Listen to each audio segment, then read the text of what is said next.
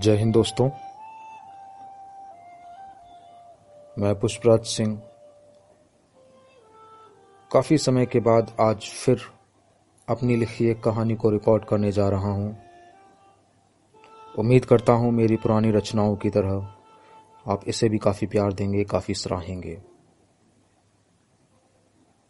पलाश के दो जुड़वा पेड़।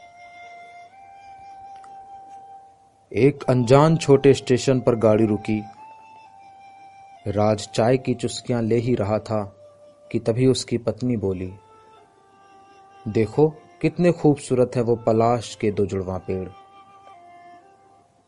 राज ने नज़र उठाकर उन पेड़ों को देखा और न जाने क्यों उसकी आँखें बेताबी से बोर्ड पर लिखे उस छोटे से स्टेशन के नाम पर जम गईं। एक ठंडी हवा का झोंका कपड़े भेद कर उसके बदन को छू गया। एक जानी पहचानी, मगर वर्षों पुरानी आवाज़ उसके कानों में गूंजने लग गई। तुम जब स्टेशन से उतरोगे ना तो सबसे पहले पलाश के दो जुड़वा पेड़ दिखेंगे। वहीं करीब ही मिठाई की दुकान है। वहाँ से घेवर लेते आना बाबूजी को बहुत पसंद है। देखना कितने खुश हो जाएँगे। तुम बसंत के मौसम में ही आना। बसंत में पलाश के ये पेड़ सुर्ख लाल हो जाते हैं और काफ़ी दूर से ही दिखाई देने लगते हैं। वहाँ से ज़्यादा दूर नहीं है मेरा घर।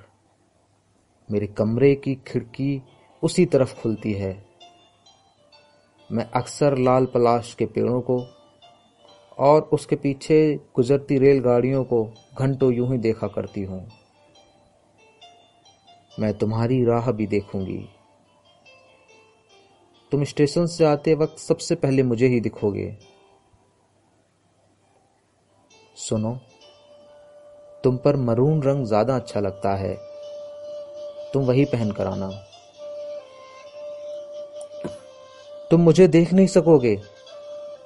मैं लाल लिबास में इसी पलाश की ओर से तुम्हें देखा करूँगी। ये पलाश तुम्हारे स्वागत में मखमली लाल फूलों की चादर बिछा देंगे। ट्रेनिंग खत्म होते ही तुम बाबूजी से मिलने आना। जरा भी देर मत करना। घर में मेरी शादी की बातें आए दिन होती हैं। राजे, तुम आओगे ना?